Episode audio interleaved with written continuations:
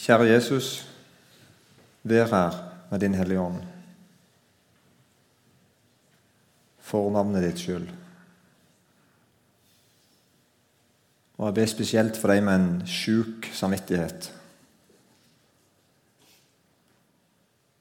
Kom til dem i kveld. Amen.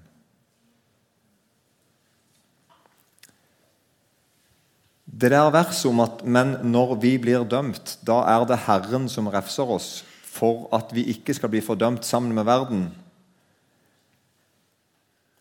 Da kan vi tenke hvorfor dømmer Gud oss? Eller dømmer Gud oss? Og Da er spørsmålet mitt til dere da Hva er alternativet?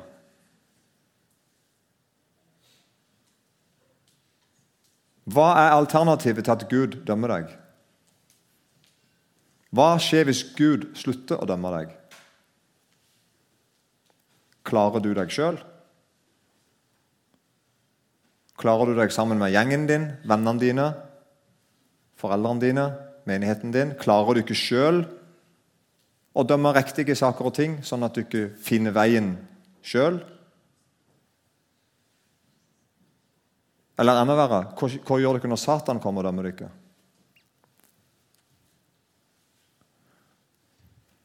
Så alternativet til at Gud dømmer deg, er egentlig bare at du blir fordømt. Du er fritt fram for alle andre makter og myndigheter, inkludert din egen helt tilfeldige samvittighet. Og Når Gud dømmer oss, så er det ikke samvittigheten din som på en måte dømmer deg.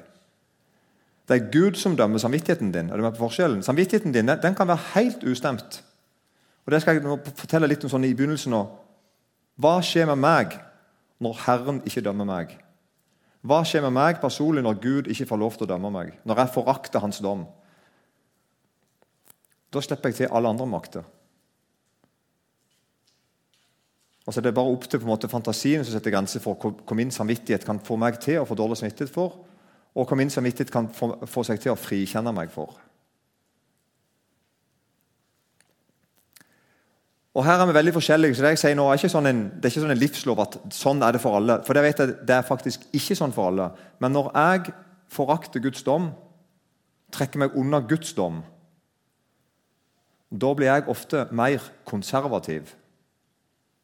Er Det ikke være på det uttrykket, det er et teit uttrykk som kan bli brukt i all slags retninger. Men med det så mener jeg at jeg blir litt mer sånn streng hva jeg tenker om ting. Jeg begynner å mene litt mer alvorlige ting om hvordan vi skal oppføre oss, og hvordan vi skal synge, og hvordan vi skal gjøre ting, og hvordan vi skal se, og hvordan vi skal høre, og hvordan vi skal være. Jeg blir litt mer opptatt av det. Hvorfor det? Jo, for Gud dømmer ikke lenger. Og Jeg merker at jeg må, jeg må nesten kompensere. på en måte, er med? Og Det handler faktisk merkelig nok om at av natur så er ikke jeg veldig konservativ. Jeg, jeg, i hvert fall ikke det miljøet jeg kommer ifra. Hvis jeg sammenligner meg med deg, da, så er jeg ofte lett for å tenke hvorfor må vi gjøre det sånn. Kan vi ikke bare gjøre sånn? Det, sånn, det ligger litt sånn lett for meg å tenke. Og Når jeg da mister Gud av syne, da vet jeg at nå må jeg passe meg, for jeg er litt sånn liberal av meg. Av natur, liksom. Så, så jeg, må, jeg, må, passe meg. Så begynner jeg å kompensere. begynner å litt, Bli litt kjipere enn jeg egentlig hadde bruk for. Enten jeg møter med ungene mine, eller jeg møter med deg eller jeg møter med andre. Jeg møter i, skjønner du hva jeg mener? Jeg tror ikke jeg skal si så mange sånne eksempler, for da kan vi fort henge oss opp i bare eksemplene. For det kan ikke være hva som helst. Hva skjer med deg når Gud ikke dømmer deg? Hvordan blir du? Blir du gladere eller tristere eller kjipere eller blidere? Hva skjer? Det er veldig forskjellig, nemlig. Jeg har, ikke kompiser, jeg har et par kjenninger. De, veldig, de, de, bryr seg veldig lite om Gud når Gud ikke dømmer dem. De gjør ting som er sånn, sånn, sånn åpenbart er galt, tenker jeg. Det står i Bibelen, liksom. Men de på en måte går litt vekk fra Gud. Både det han har skrevet, og det han sier.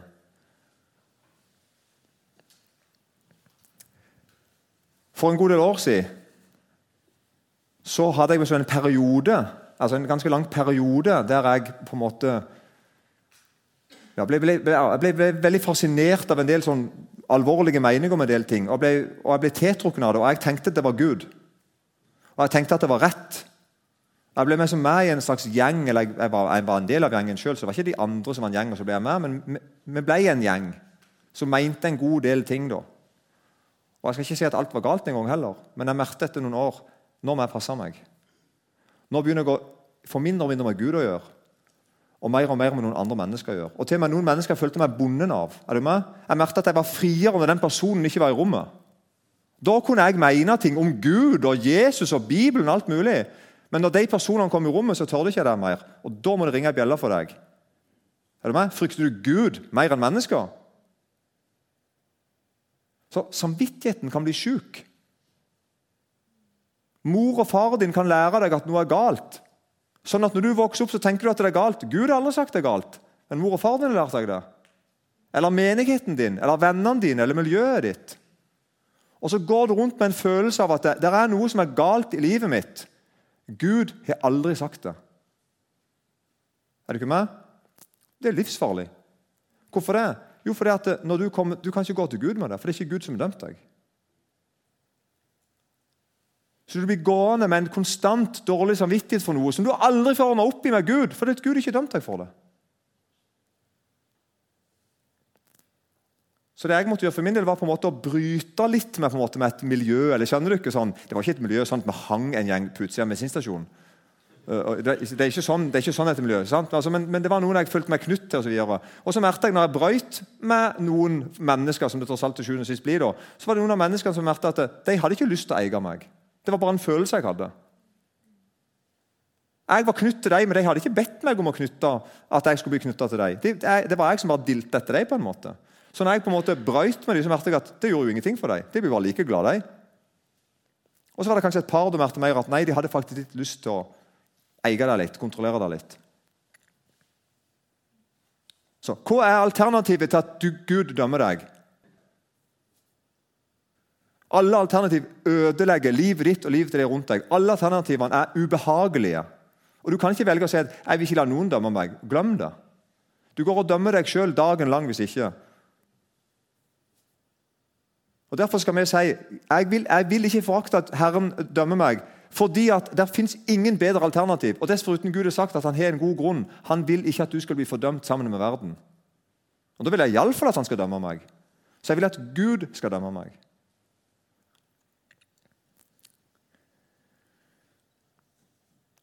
Og Ofte, ofte altså, så opplever jeg i møte med folk at folk har en, en, altså en sjuk samvittighet. Ikke som sinnssyk, altså, men en sjuk, altså, som i at de har lært at noe er galt som ikke er galt. Og Ofte må jeg snakke med dem nettopp om det. Hvor har du dette for at dette er galt? Hvem har sagt det? Er du ikke med? Sånn, det blir til slutt sånn, noen redde mennesker som går rundt og prøver å please hverandre. Så merker vi at det er et slags sprik inni oss. Vi er ikke sånn helt enige, men vi tør ikke. Og så, skjønner, så blir det sånn, noe falskt over det, noe, noe, tungt over det. Og så tenker vi at hvis vi nå synger litt gøyere sang, kanskje det hjelper. Lykke til med det. Lykke til med det. Det er kanskje gøy mens du synger den gøye sangen. Skjønner du ikke hva jeg mener? Vi kan kanskje gjøre noe annet. sånn og sånn. Ja, lykke til med det. Det kan være bra i seg sjøl, altså, men du vet at det, det stikker dypere. Det er ikke med Gud å gjøre. Jeg er ikke med folkene rundt meg å gjøre. Så når et menneske blir dømt av Gud, det er en vanvittig radikal ting. og Du blir, sånn, du blir veldig annerledes for oss rundt. Vi, vi, merker det på deg. Du er dømt av Gud. Det er Gud som dømmer deg. Du blir på en måte litt sånn en slags ubestikkelig. Du velger ikke partier. Og, skjønner du? For det er med Gud å gjøre. Og Det er ganske behagelig å være sammen med deg, selv om det er litt sånn farlig også, men det er behagelig å være sammen med deg fordi du har med Gud å gjøre.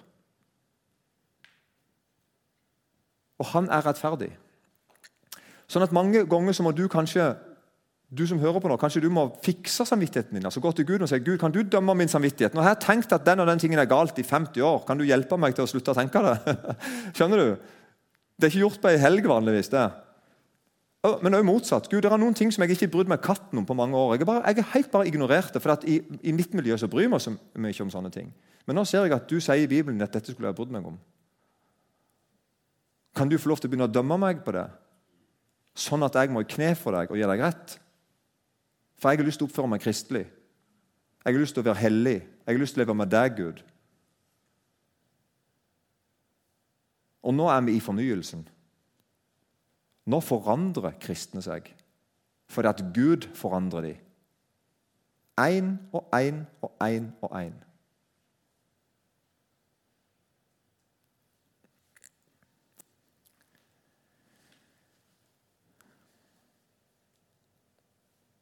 Og så kommer det verste av alt.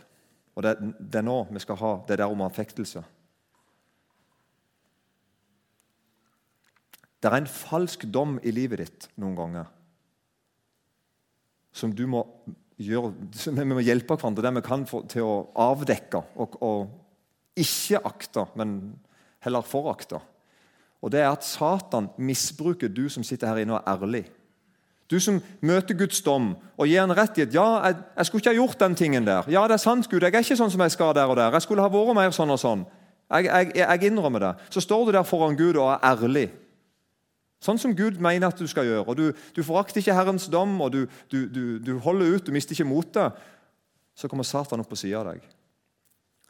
Og så anklager han deg for å tro på Jesus. Han sier til deg noe sånt som 'Å ja, og du skal være kristen, du som er sånn'.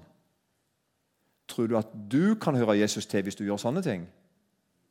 Greit nok forrige gang, greit nok med de andre, men tror du at du nå kan bare stå her og så være elska av Jesus.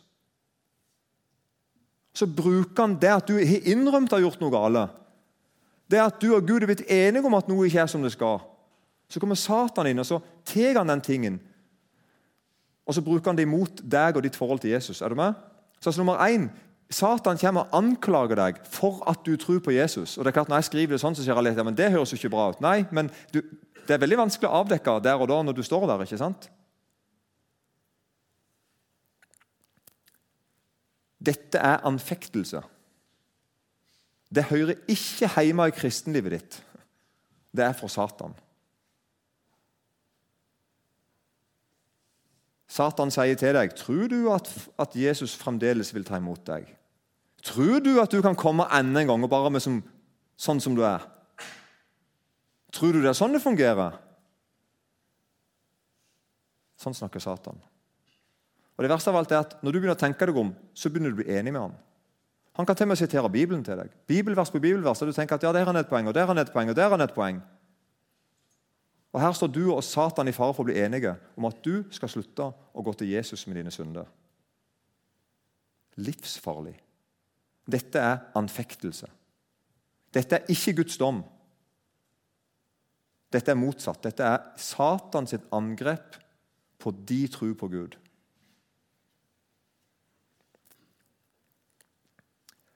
Nummer to du går mer på Det første altså er ditt forhold til Jesus. det er At du har samfunn med han, er barn av han. Er, det andre går på tror du at Jesus kan bruke han sånn som du. Har du tenkt om jeg som sier noe, gjør noe, være noe, betyr noe, tror at du kan bety noe for noen andre folk, sånn som du er? Sier djevelen til deg.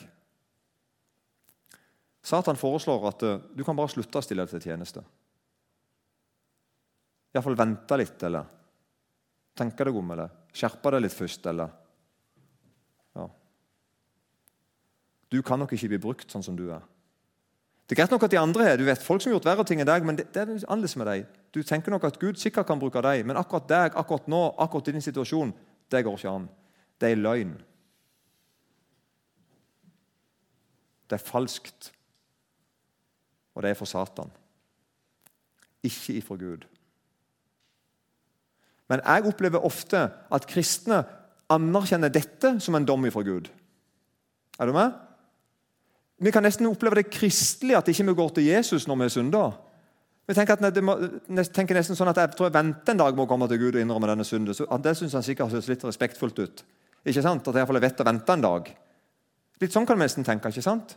For Det er så radikalt det Gud sier når Gud, når Gud kommer og dømmer. Han dømmer meg, og han mener det. Jeg ser det. Det er ikke noe tull, det er ikke skremsel. Han dømmer meg, og jeg ser det er sant, han sier. Og så Samtidig, i samme øyeblikk, hører jeg dette gjør jeg for at du ikke skal bli fordømt. Så han fordømmer meg altså ikke. Så gå til Jesus med en gang. Ikke vent. Ikke tro at det er fromt en gang og har dårlig samvittighet en dag først. Bare gå til Jesus med en gang. Så det er stor forskjell på å bli anklaga for, for, mine synder og det å bli anklaga for å tro på Jesus. Det ser vi ikke sant? Det er en stor forskjell på det. Det at jeg ikke er som jeg skal, det er rett. Det at Jesus ikke er min, det er feil. Så det er klart at vi setter opp sånn på et par, par linjer, hvitt på svart, så er det litt sånn lettere å ta det.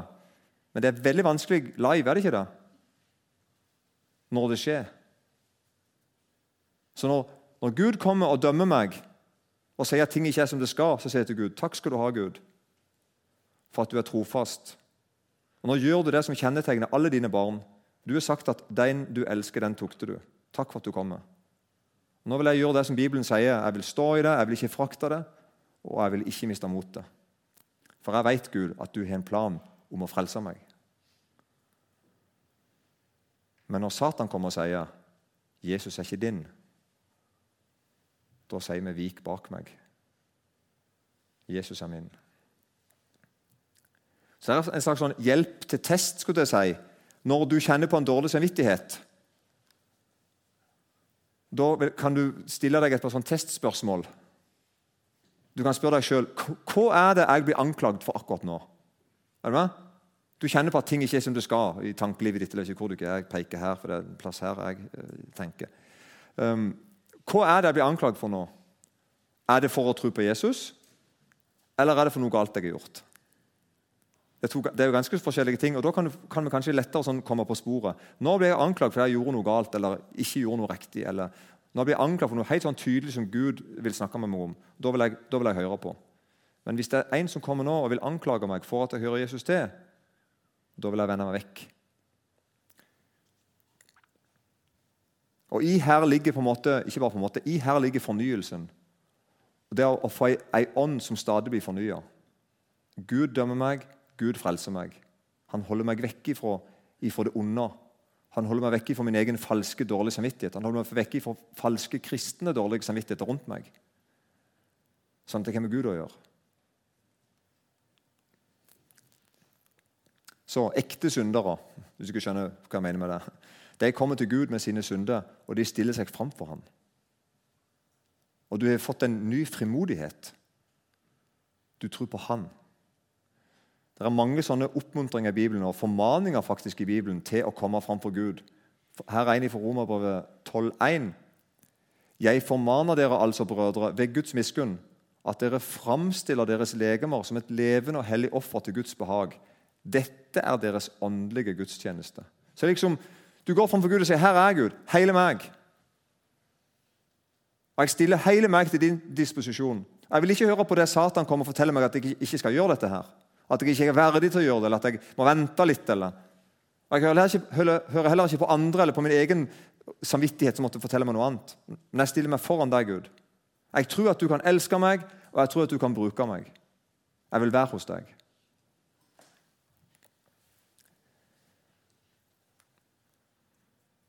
Så det er Guds vilje, at du skal stille deg villig til hans disposisjon. Og Satan vil ødelegge deg og ditt forhold til Gud.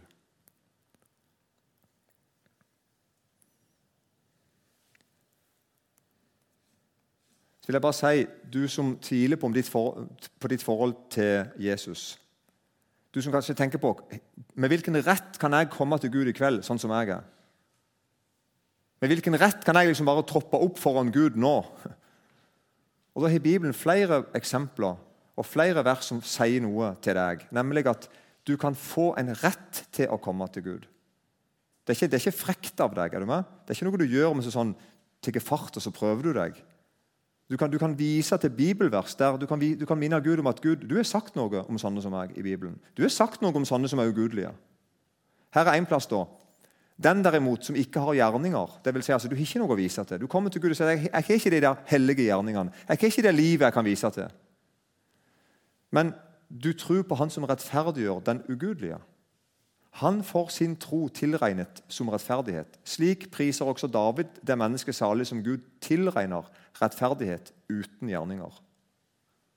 Det står sånn da, Salige er de som har fått sine overtredelser tilgitt og sine synder skjult. Salig er den mann som Herren ikke tilregner synd. Så du hadde altså synd, men Gud tilregner deg den ikke. Du har rett til å komme til Gud. Det, det er det faktisk han vil. Altså Når Bibelen skal beskrive hvem Gud er, og, og hva han vil, så sier Bibelen 'Han som vil at alle mennesker skal bli frelst'.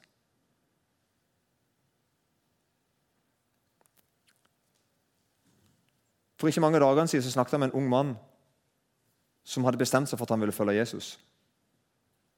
Og Så sa han at 'jeg vet ikke om jeg har gode motiv'. Så sa han et par av de motivene han hadde. Og jeg, for å være helt ærlig, jeg synes de motivene var rimelig gode. Men, eh, men han syntes ikke de var det. Han så mange andre rundt seg som hadde mye bedre motiv. Og Da kunne jeg si til han at vi må snu på det. på en måte. Det, det kommer ikke an på dine motiv. Du trenger ikke tvile på Guds kjærlighet og på hans nåde, sa jeg. Og jeg sa det faktisk sånn. Når du ikke elsker Jesus, så spør om han elsker deg. Så bare kom til Jesus. Kom med de syndene du har. La han dømme deg, og la han frelse deg. Sånn at, ikke, sånn, sånn at ikke du blir fordømt sammen med verden.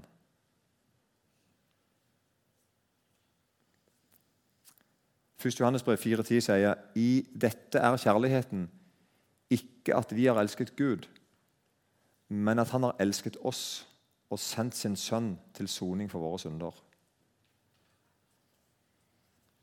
Så det er veldig radikalt at hvem som helst kan bli frelst.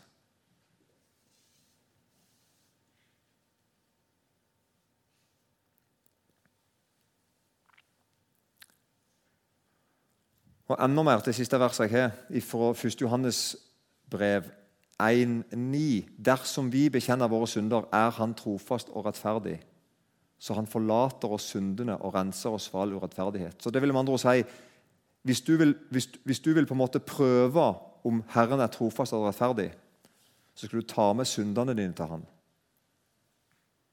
Og så skal du bekjenne dem til Han. Det er det, det, er det verset egentlig sier.